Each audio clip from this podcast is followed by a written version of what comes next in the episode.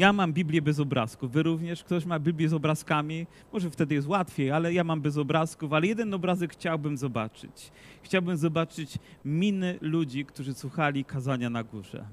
Chciałbym zobaczyć ich wyraz twarzy, gdy słuchali tego poselstwa tak zwiastowanego, jak nigdy wcześniej nie zwiastował.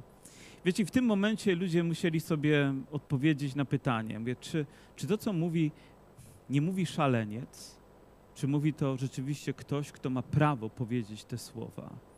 Ale nie mogli wobec nich być obojętni, ponieważ nikt wcześniej tak nie nauczał jak Pan Jezus. On miał do tego prawo. On rzeczywiście nauczając i, i dzisiaj te słowa przytoczymy, dotknął rzeczy tak, jak żaden uczony wcześniejszych wieków nie odważyłby się tego, tego zrobić. A Jezus wielką mocą i łaską tak właśnie niniejszym uczynił. A więc te słowa są ważne. Ale nim sięgniemy do tego fragmentu, żeby jakby zbudować pewien obraz też tego, czego dokonał Jezus, powiem o to tak, że, że my dzisiaj rozumiemy te słowa, powtarzam się, ale żeby utrwalić to w nas, rozumiemy jeszcze głębiej, ponieważ wiemy, że Jezus oddał za nas swoje życie, że On umarł na Golgocie i że On zmartwychwstał. Myślę, że nawet ci, którzy wtedy słuchali, oni inaczej mogli rozumieć niektóre nawet tam prawdy zawarte, ponieważ to jeszcze się nie dokonało. Jeszcze dzieło nie zostało wykonane. Pan Jezus nie powiedział tego słowa wykonało się, a więc coś zostało wypełnione, zakończone, dopełnione i rozpoczęło się od tego momentu również coś, coś niezwykłego. Jak widać, Golgota i krzyż i dzieło tam dokonane coś uczyniły. Gdybyśmy popatrzyli, że tym centralnym miejscem jest krzyż Pana Jezusa, do tego momentu przychodzi Stary Testament, przychodzi i oko pojawia się krzyż. I moje pytanie jest, co się tutaj zatrzymuje, a co idzie dalej? Albo co się zatrzymuje i co się rozpoczyna nowego już, gdy wiemy, że Pan Jezus oddał za nas życie, że On zmartwychwstał. Nie wiem, czy zadawaliście sobie takie pytanie, ponieważ to rzeczywiście zmienia nieco spojrzenie na Stary Testament, na prawo, na jego wypełnienie, na jego potrzeby, na jego wymogi. Krzyż wiele zmienia. Dlatego też apostoł Paweł mówi, niczym innym nie będę się chlubił, jak? Jak tym, czego dokonał dla mnie mój Pan, umierając za mnie na krzyżu. Myślę, że to jest ważne, żebyśmy w ten sposób popatrzyli i dojdziemy do fragmentu, który mam nadzieję nam rozjaśni ten obraz. Ale oto rozpoczynamy słowami, które wypowiada Pan Jezus. Mówi, słyszeliście, iż powiedziano przodkom, nie będziesz zabijał, a kto by zabił, pójdzie pod sąd. Padają tutaj dość mocne stwierdzenia, lecz musimy też wiedzieć, że niektóre słowa, które wypowiada też Biblia i które są tutaj określają, mają dwuznaczność, albo możemy też to samo słowo używać w różnych kontekstach, bo jest słowo zabić i jest w naszym języku słowo, które brzmi o wiele jeszcze poważniej zamordować zamordować, pozbawić kogoś życia. Te dwa słowa występują, ale robią ogromną różnicę, prawda? Ponieważ inną rzeczą jest zabić, a inną rzeczą jest kogoś świadomie, z premedytacją zamordować. Więc jakiego słowa używa tutaj Pan Jezus mówiąc o zabiciu? Czy mówi o zabiciu człowieka, czy mówi o zamordowaniu człowieka? Coś, co podlega karze. Powiedzmy, że wy jedziecie samochodem i wydarzyła się naprawdę bardzo straszna rzecz i, i oby nigdy nikomu się nie wydarzyło, że ktoś wbiega pod koła, nie, nie jesteście winni, ale wbiega pod wasze koła i następuje tragiczny wypadek, ta osoba ginie. Powiem, straszna rzecz, naprawdę okropna rzecz. Ta osoba została zabita, wyprowadziliście samochód, macie odpowiedzialność. Czy zamordowaliście, czy zabiliście tę osobę? Myślę, że oczywiście każdy z nas, każdy sąd stwierdzi, uniewinni nas, ponieważ tak, zabiliśmy osobę, ale nie podlegamy sądowi. A inaczej by było, gdybyśmy, będąc pijanymi, wjechali na przejście, gdzie przychodzi matka z trójką dzieci i dokonali mordu. Prawda? Wydaje się, że to jest ogromna różnica, kiedy używamy pewnych słów, ponieważ jego znaczenie jest ważne do zrozumienia przez nas, ponieważ jest umieszczone tutaj w kontekście. I Pan Jezus tutaj akurat używa słowa: Nie będziesz mordował, a kto by zamordował, pójdzie pod sąd. Tutaj uruchamia się jeszcze inne pytanie, czy my jako wierzący ludzie powinniśmy być na przykład pacyfistami czy w związku z tym nie powinniśmy brać broni do ręki, nie iść na wojnę, na przykład, żeby bronić ojczyzny, bo Ewangelia nam zabrania, mówiąc nie zabijaj. Ale gdyby wasze dziecko na oczach waszych było mordowane przez kogoś, gdyby groziło niebezpieczeństwo, czy mój bracie ruszyłbyś z pomocą i nawet za cenę pozbawienia kogoś życia uratowałbyś swoje dziecko? Powiem, ja, gdy zadaję to pytanie sobie, nie mam wątpliwości, żebym tak zrobił, bo ja w tym momencie nie jestem człowiekiem, który morduje, ale człowiekiem, który broni. I myślę, że mamy prawo do tego, żeby się bronić. Mamy prawo do tego nawet, żeby wziąć broń do ręki, żeby się bronić, ale nie żeby mordować. Nie żeby świadomie, z premedytacją kogoś pozbawiać życia, będąc agresorem, przekraczając jakieś granice. Te rzeczy są dla nas czasami niewygodne, ale żyjemy w kraju, w którym cieszymy się wolnością, bezpieczeństwem i nawet chyba, mam nadzieję, cieszymy się, że ktoś strzeże naszych granic. Ktoś z Was ma tego świadomość? Że ktoś strzeże naszych granic, ale nie, nie, ale my nie będziemy tego robić, więc według mnie jest to pewna obłuda i hipokryzja nawet w naszej postawie, jeżeli chcemy cieszyć się pewnymi przywilejami, ale nie bierzemy za nie odpowiedzialności. O, chcemy, żeby nasze ulice były bezpieczne, ale nikt z nas nie powinien być policjantem. No nie chcemy, żeby tam jakieś rzeczy wydarzyło, ale nie będziemy strażakami, nie będziemy, bo to jest jakieś przekroczenie granic, choć nie wiem dlaczego. A ja wam powiem, ja chciałbym, żeby w naszym zborze byli żołnierze, chciałbym, żeby byli strażacy, żeby byli policjanci, żeby byli inni ludzie, którzy służą naszej ojczyźnie, służą nam, wykonują swoje obowiązki. Mam nadzieję, nie przekraczają swoich kompetencji, nie będą nigdy tymi złymi ludźmi, którzy coś robią okrutnego w stosunku do innych, ale zapewniają nam bezpieczeństwo. Czy to jest dla Was zrozumiałe? Mam nadzieję, że tak. To jest moje zrozumienie tego fragmentu również Bożego Słowa, gdy Pan Jezus mówi: Nie morduj nie morduj. I nikt z nas nie ma prawa zabierać komuś życia w taki sposób. Dlaczego? Bo życie jest święte. Jeżeli ktoś to czyni, Pan Jezus mówi, pójdzie pod sąd. I on dalej, gdy mówi, nie zwalnia z tego obowiązku. O, jak się nawróciłem, ale zamordowałem, to już mnie kara nie obowiązuje. Nie, mój bracie, może się zdarzyć tak, że również i twoje życie tutaj zakończy się z tego, z tego powodu. A Jezus mówi, a ja wam powiadam, nie tylko odnosi się do tego, ale jakby wyższy level stawia, wyższy poziom zrozumienia i zaangażowania, ponieważ można oczywiście pozbawić kogoś fizycznie życia, ale można również go głęboko zranić, można coś zabić w nim, można spowodować ogromną krzywdę.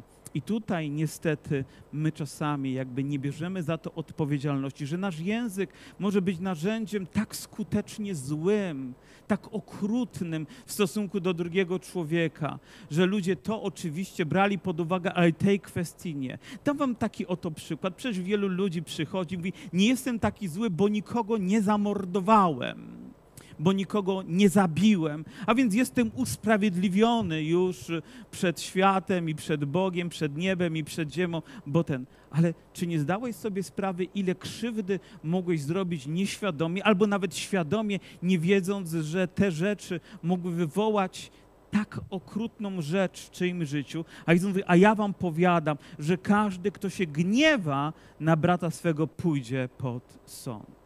Gniewa się a więc jest rozpalony wewnętrznie tymi złymi emocjami, które za chwilę wyskalują się tak, że dokona pewnie czegoś również okrutnego w swoim życiu. Biblia mówi, żebyśmy gniewali się, ale nie grzeszyli. Wiecie dlaczego tak mówi? Ponieważ chcemy czy nie, to w naszym życiu pojawiają się emocje w stosunku do innych ludzi. Jedziesz samochodem, ktoś zajedzie ci drogę, no mówisz, niech cię Pan błogosławi, aleluja. Być może wielu z Was ma taką postawę. Czasami słyszycie, że ktoś powiedział o Was coś złego i od razu ta rzecz wywołuje w Was emocje. One się pojawiają, czy chcesz, czy nie. Ale nie możesz pozwolić, żeby one utrwaliły się w Twoim życiu. I Biblia mówi: Niechaj słońce nie zachodzi nad gniewem. Czyim? No Twoim, bo przecież ja jestem doskonały, Twoim gniewem. Nie możesz pozwolić na to, by zasnąć z tą myślą i obudzić się z nią, dlatego że przez noc ona już się utrwali. Wiecie, kiedyś oglądałem jakiś film, przyznaję się, czasami jakiś film oglądam I ten film pokazywał pewne małżeństwo, które żyło zgodnie. Naprawdę mąż i żona, fajni ludzie, dogadywali się, aż pewnego dnia pokłócili się o jakąś bzdurę. Naprawdę mało ważna rzecz, ale jedno i drugie nie ustąpiło. A więc zaczęli sobie robić na złość i ten konflikt zaczął narastać, narastać, narastać, narastać, narastać. Gniew się utrwalił, pojawiła się złość i inne złe rzeczy i oni się w końcu rozeszli a, a zaczęło się od głupiej, banalnej rzeczy, która na tym poziomie wyeliminowana nie miałaby żadnego znaczenia dla nich, byliby przez kolejne 50 lat wspaniałym, cudownym małżeństwem. I myślę, że właśnie tak jest i przed tym Biblia nas ostrzega, żebyśmy nie nosili gniewu w swoim sercu, żebyśmy potrafili rozprawić się z nim, bo pojawi się. Nie dlatego, że jestem prorokiem takim, ale dlatego, że znam życie. Dlatego, że wiem, że takie rzeczy pojawiają się czasami w nas samych. Oto pewnego małżonka, który przeżył swoją żoną 70 lat, spytano o to, czy miał kiedyś ochotę ją zostawić, tą żonę. On mówi, rozwód? Mówi, nigdy. Morderstwo kilka razy. Czasami pojawia się gniew w nas w stosunku do siebie nawzajem. Czasami mamy ochotę rozszarpać nasze dzieci. No wy nie. To tylko ja.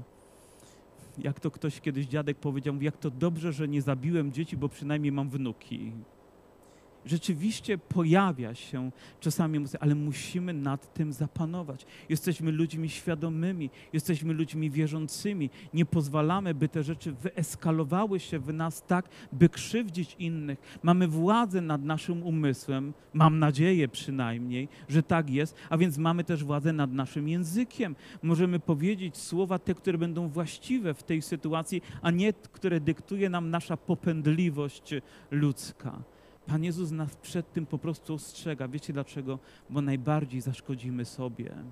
Najbardziej mówi, pójdziecie pod sąd. Inaczej poniesiecie za to odpowiedzialność. I nie wiem, czy to już tutaj się stanie. Najprawdopodobniej tak.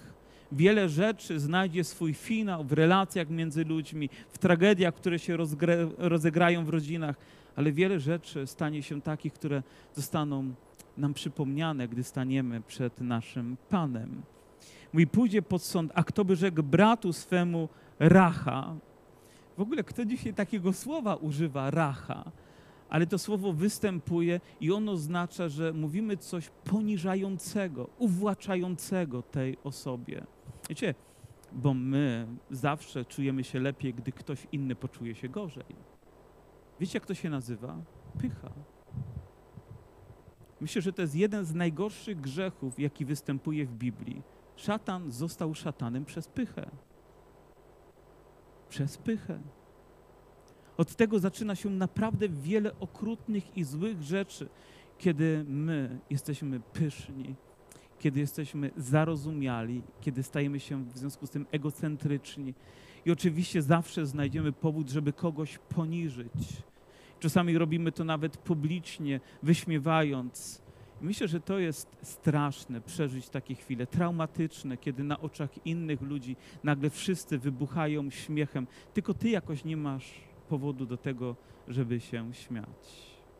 Są chwile, które zapamiętamy, bo to stało się przed klasą, bo to stało się w pracy, bo to stało się w rodzinie, gdzieś. A więc musimy uważać, bo to naprawdę jest okrutnie niszczące, kiedy poniżamy innych ludzi. My, jako wierzący ludzie, nie mamy prawa tego robić. Dlaczego? Bo Jezus tak powiedział, bo On nas tego uczy. Stanie przed Radą Najwyższą, a kto by rzekł głupcze, pójdzie w ogień piekielny. I myślę, że znowu słowo uwłaczające, poniżające. Nie będę się rozwodzić, sami chyba wiecie, ale pojawia się inny zwrot, pójdzie w ogień piekielny. Oczywiście Pan Jezus tu w przenośni mówi, tak, nie, że tam w ten rzeczywisty ogień, wielu tak myśli. A ja? Hm. Nie jest to wyznanie mojej wiary takie, którym, którym chcę emanować, ale ja wierzę w piekło. Wierzę w Jego rzeczywistość. Wierzę w to, że ludzie oddzieleni od Boga tam właśnie się znajdą. I że nie jest to tylko jakaś przenośnia, ale jest to rzeczywisty stan, w którym ludzie będą trwać.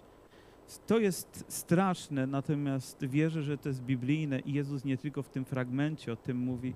I z pewnością to nabożeństwo znajdzie wielki hejt wśród tych, którzy myślą inaczej, ale niech was Pan błogosławi. Na pewno nie powiem wam racha, na pewno nie powiem wam inaczej, bo przecież jestem wierzący. Jeśli by więc składał dar swój na ołtarzu, i zwróćcie uwagę, jest ołtarz, jest potrzeba złożenia tam daru, jest potrzeba pójścia i uczynienia czegoś, co jest dla tych ludzi ważne. A Pan Jezus wiemy, że On umarł, że On zmartwychwstał. Czy w związku z tym potrzebny jest ołtarz? Nie, już nie ma potrzeby składania więcej ofiar, bo ofiara została złożona raz na zawsze doskonała.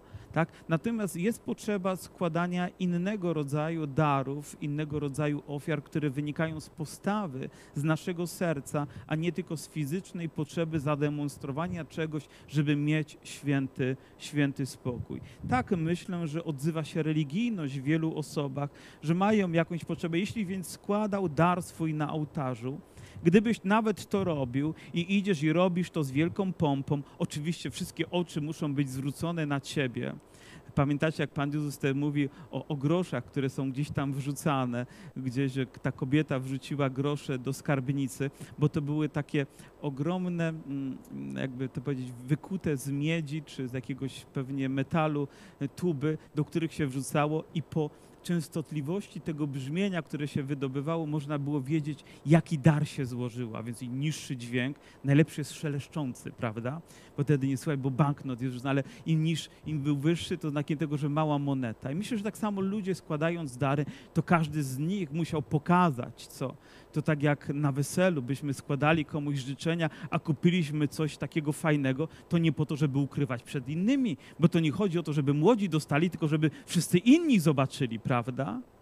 I wielu ludzi tak się zachowuje, że po prostu przychodzi po to, żeby pokazać siebie, ale nie swoje wnętrze. Nie pokazać swojego serca, pokazać to, co jest w środku. A jak myślicie, na czym zależy Bogu? Na tym, co zrobimy na zewnątrz, czy na tym, jaką postawę przyjmiemy? Na tym, co jest w naszym wnętrzu, co jest w naszym sercu? Może ktoś dzisiaj składa większą ofiarę, niż my wszyscy razem tutaj wzięci a mimo to nikt tego nie zauważy, nikt z nas tego nie doceni, nikt z nas nie będzie bił z tego powodu brawa, ani nie napisze się książki, ale to właśnie zostanie uczynione, bo to Pan widzi Twoje serce, widzi Twoją postawę, widzi Twoje życie. Mówi, ale gdybyś tam składał swój dar, a brat Twój miałby coś przeciwko Tobie, hmm. i znowu pojawia się taka nieco trudna kwestia. To nie chodzi o to, że my zostaliśmy zranieni, o, my się tak źle czujemy, ktoś nam zrobił krzywdę, ale to ktoś ma coś przeciwko nam, no to przecież jego problem, nie mój. Niech on sobie z tym poradzi, a nie ja. Ale jeżeli zrobiłem coś, co rzeczywiście zraniło mojego brata, albo coś, co wyrządziło krzywdę mojej żonie czy mojemu mężowi, to moim obowiązkiem jest pójść i pojednać się powiedzieć: Przepraszam, nie chciałem tego. A wiecie, Duch Święty ma taką zdolność, żeby do nas przemawiać od środka i przekonywać nas, że coś jednak zalega, że coś jest nie tak, że coś tam utknęło i dopóki żyjemy, On będzie naciskał, żebyśmy z tą rzeczą mogli się rozprawić, żebyśmy mogli jeszcze więcej zakosztować i łaski, dobroci, by ta rzecz nie sprawiała, że ta infekcja będzie ciągle bolała, bolała. Nie wiem, czy ktoś z Was kiedyś miał ból zęba, prawda? Niby mała rzecz gdzieś w organizmie, ale żyć się nie chce. Po prostu żadna inna sprawa cię nie cieszy, bo ból zęba zabiera ci całą radość życia. Albo jakaś inna dolegliwość, która jest tak, tak mocna, że wszystko inne przestaje mieć znaczenie. Myślę, że właśnie taką rzeczą też jest coś, co może nas uwierać wewnątrz, co może być nieprzyjemne, złe i z czym powinniśmy się rozprawić. A więc gdy wiesz, że ta rzecz ma miejsce, to idź. Ty idź. Nie czekaj my czekamy, aż inni przyjdą, ale Biblia mówi, nie ty musisz mieć inicjatywę, ty jesteś za to odpowiedzialny. Idź do brata swego. Ale to wymaga pokory, niestety. To wymaga czasami ukrzyżowania naszego ja. To wymaga zaparcia się samego siebie, żeby pójść i powiedzieć komuś. Wielu ludzi nie potrafi tego zrobić. zbyt wysoko noszą głowy, albo zbyt pyszne jest ich serce, albo zbyt duże mniemają, nie mają o sobie, albo inne rzeczy. Trudno tą listę zamknąć bezpewnie, ale mówi, idź, ma coś przeciwko tobie, to zostaw tam dar swój na ołtarzu i odejdź i najpierw pojednaj się z bratem swoim, a potem przyszedłszy złóż swój dar. On będzie miał wtedy o wiele większe znaczenie, głębsze, a na pewno zrobisz to z wielką radością, kiedy pojednasz się z tą osobą. Widzicie, nigdy nie wiemy, czy gdy pójdziemy do tej osoby, czy zostaniemy przez nią przyjęci, czy nie, czy wyciągnie do nas rękę w geście pojednania i przebaczenia, czy nie, ale my to zrobimy. I za tą część jesteśmy odpowiedzialni przed Bogiem, przed sobą, przed Kościołem. Odpowiedzialni wobec, nie wiem, naszych małżeństw, naszych rodzin. Jesteśmy odpowiedzialni, żeby tą część, która należy do nas, po prostu wykonać. Jeżeli nie, stajemy się zakładnikiem, a noszenie nieprzebaczenia tej urazy naprawdę jest ograniczeniem, które wywołuje wiele rzeczy, o których nie wiemy w naszych rzeczach, które działają gdzieś w tle. Nieraz widzimy człowieka, który ma jakiś problem, który wszyscy dostrzegają, bo pali papierosy, pije alkohol. Wiecie, to jest straszne być uzależnionym od alkoholu, palić papierosy i, i może być jeszcze uzależnionym od innych rzeczy, ale może problem jest głębszy nawet większy niż, niż te rzeczy zewnętrzne, że jest jakaś gdzieś uraza w sercu, jakaś rzecz, którą ten człowiek sobie nie poradzi i gdy ona zostanie wyjęta, to inne rzeczy nagle łatwiej będzie nam poukładać w sobie w życiu. Ktoś jest nadpobudliwy emocjonalnie i wszystko go drażni, no bo rzeczywiście coś się dzieje na zewnątrz, ale może problem nie jest na zewnątrz, tylko wewnątrz, w tobie, w twoim sercu. Kiedyś chyba Max Lucado pisał pewną historię o tym, jak dzieci bawiły się z dziadkiem. Jak to dziadek? No po południu drzemka musiał sobie strzelić i dzieci wysmarowały mu wąsa śmierdzącym serem. Takim szwajcarskim, dobrym, śmierdzącym serem. I dziadek wstał i mówi, mówi w tym pokoju śmierdzi. Chodzi po domu, mówi w tym domu śmierdzi. Wyszedł na dwór, mówi cały świat śmierdzi. Mówię, ponieważ tak postrzegamy poprzez to, że nie widzimy tego, że to jest tak blisko. Ten problem jest tak ważny, że Pan Jezus nie pozwala, żebyśmy poszli dalej, nie robiąc tego porządku. Nie na koniec, ale właśnie w tym miejscu. Mówi, pojednaj się. Potem przyszedłszy, złóż swój dar. Oto kolejność. Czasami też, gdy prowadzimy seminarium na temat przystąpienia do chrztu, to mówię, to jest ważny moment. Ale to nie jest tak, że po chrzcie dopiero rzeczy będą się układać. Tutaj po tej stronie po tej stronie musisz zostawić te rzeczy, aby nie wchodzić z nimi, bo tam one się utrwalą i wyjdziesz i twoje życie się nie zmieni. I zachęcamy ludzi, wyrzuć papierosy, odłóż to, nie sięgaj po to. I nie dlatego, że chcemy być tacy legalistyczni, ale dlatego wiemy, jak to działa w życiu. Mamy dostatecznie wiele doświadczeń. Nawet czasami było tak, że jakaś para przychodziła która nie była po ślubie, ale oni mówili, pastorze, jak przyjmiemy chrzest, to my na pewno zawrzemy związek małżeński. Jak myślicie, zawierali najczęściej? Nie, dlatego że nie zrobili tego tutaj, to już nie mieli ochoty zrobić tak, no teraz jesteśmy ochrzczeni, teraz jesteśmy w zborze, teraz śpiewamy Alleluja, teraz przystępujemy do stołu pańskiego, a ta rzecz się odkłada, odkłada, odkłada. Oczywiście wydaje się banalny przykład, ale tych przykładów jest wiele obrazujących to, że tutaj po tej stronie musimy zostawić te rzeczy i nie wchodzić z nimi przed ołtarz. Może jest zbyt święty, ta chwila jest zbyt wielka. Może mówimy o wielkich rzeczach, o wielkiej służbie, o wielkich dziełach Bożych, ale na zapleczu naszego życia są drobne rzeczy, z którymi nie potrafimy sobie poradzić. Czasami nawet mówimy chwała Panu, ale wewnątrz jakaś wredna natura w nas się odzywa. I tak trudno z nami jest żyć, ale halleluja, chwała Panu. Znacie takich ludzi? Abyśmy nie musieli patrzeć w lustro i ich zobaczyć bo to byłoby bardzo przykre. Zostaw tam dar swój na ołtarzu, idź, pojednaj się. Wiecie, co by było pięknym rezultatem tego nabożeństwa? Gdyby ktoś wychodząc z tego miejsca, wiedząc, że coś przeciwko komuś ma albo ta osoba ma, poszedł i się pojednał. Wiecie, to byłoby świadectwo. To byłaby wymierna rzecz, Albo gdybyśmy powiedzieli sobie gdzieś w kulach, no dobra, no to cię przepraszam.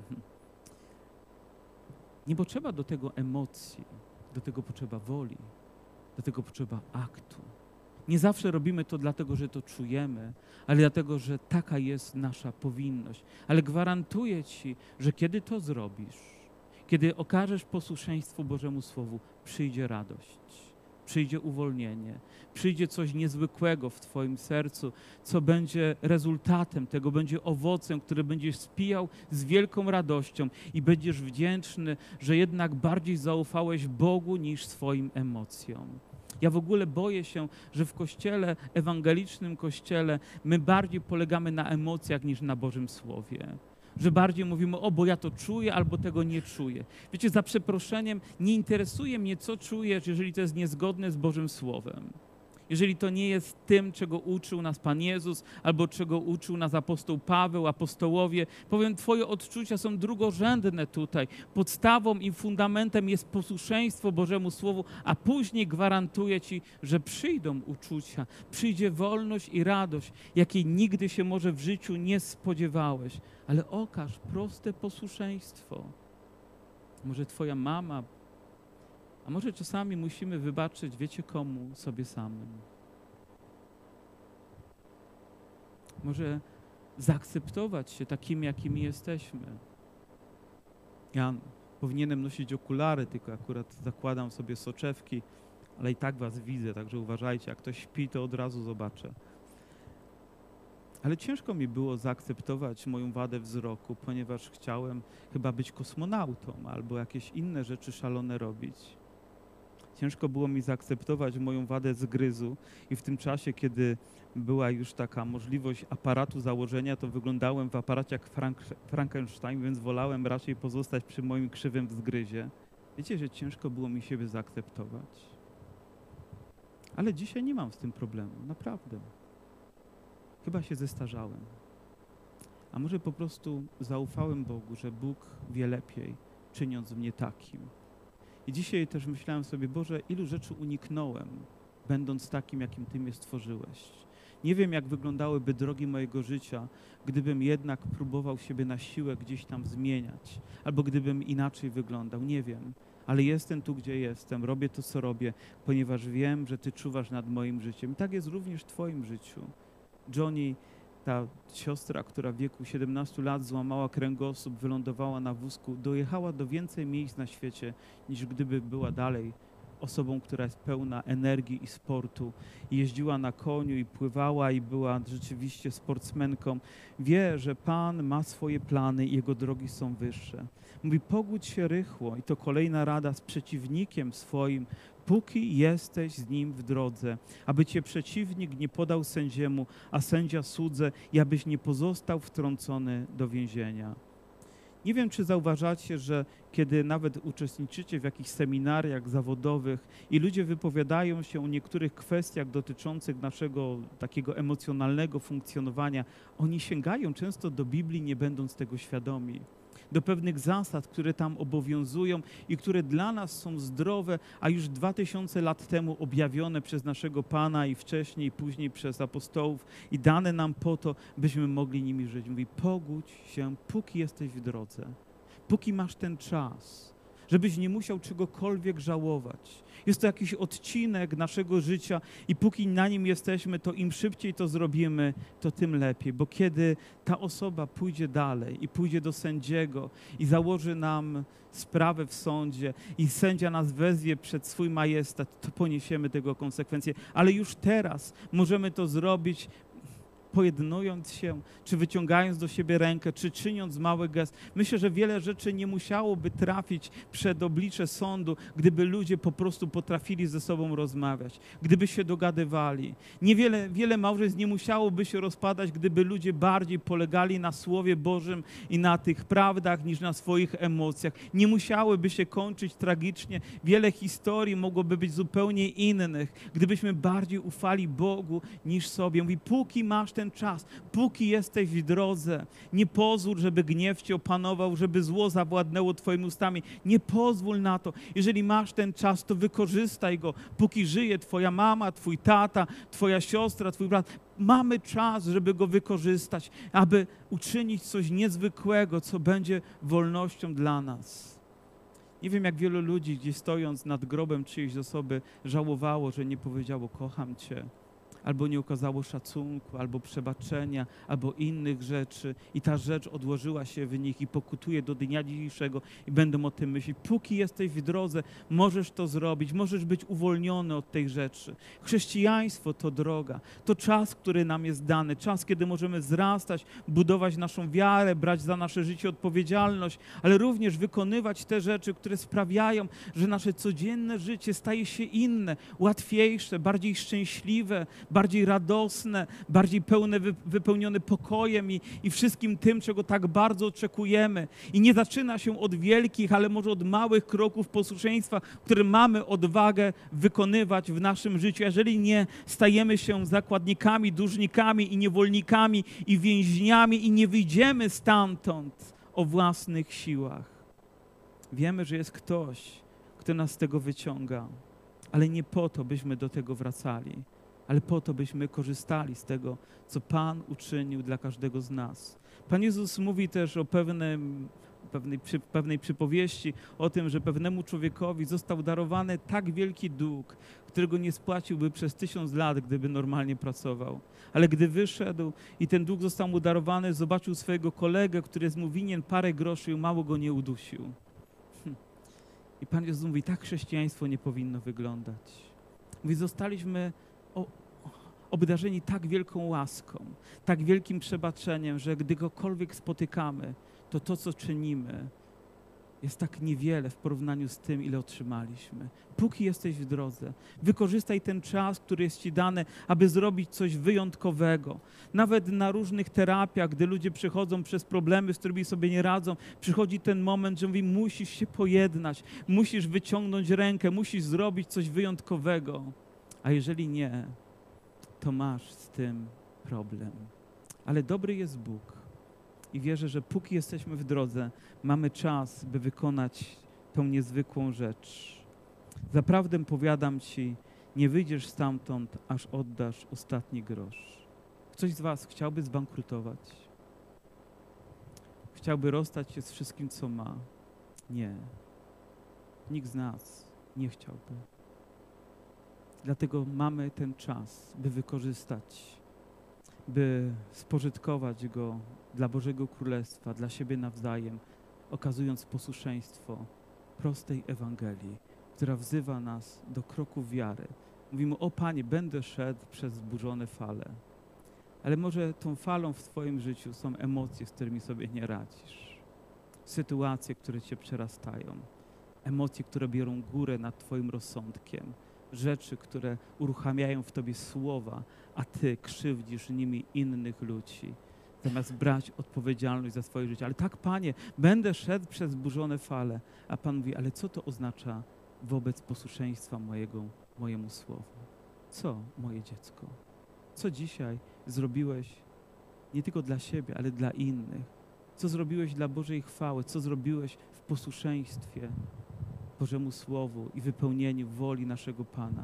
Każdy z nas dzisiaj jest w drodze. Każdy z nas ma ten czas dany nam przez Boga, abyśmy mogli to uczynić. Z takiego miejsca możemy wyjść, zapominając o tym, co słyszeliśmy, albo wyjść i okazać posłuszeństwo, a wtedy wrócimy z jeszcze większą pasją, radością i wdzięcznością dla naszego Pana. Powstańmy.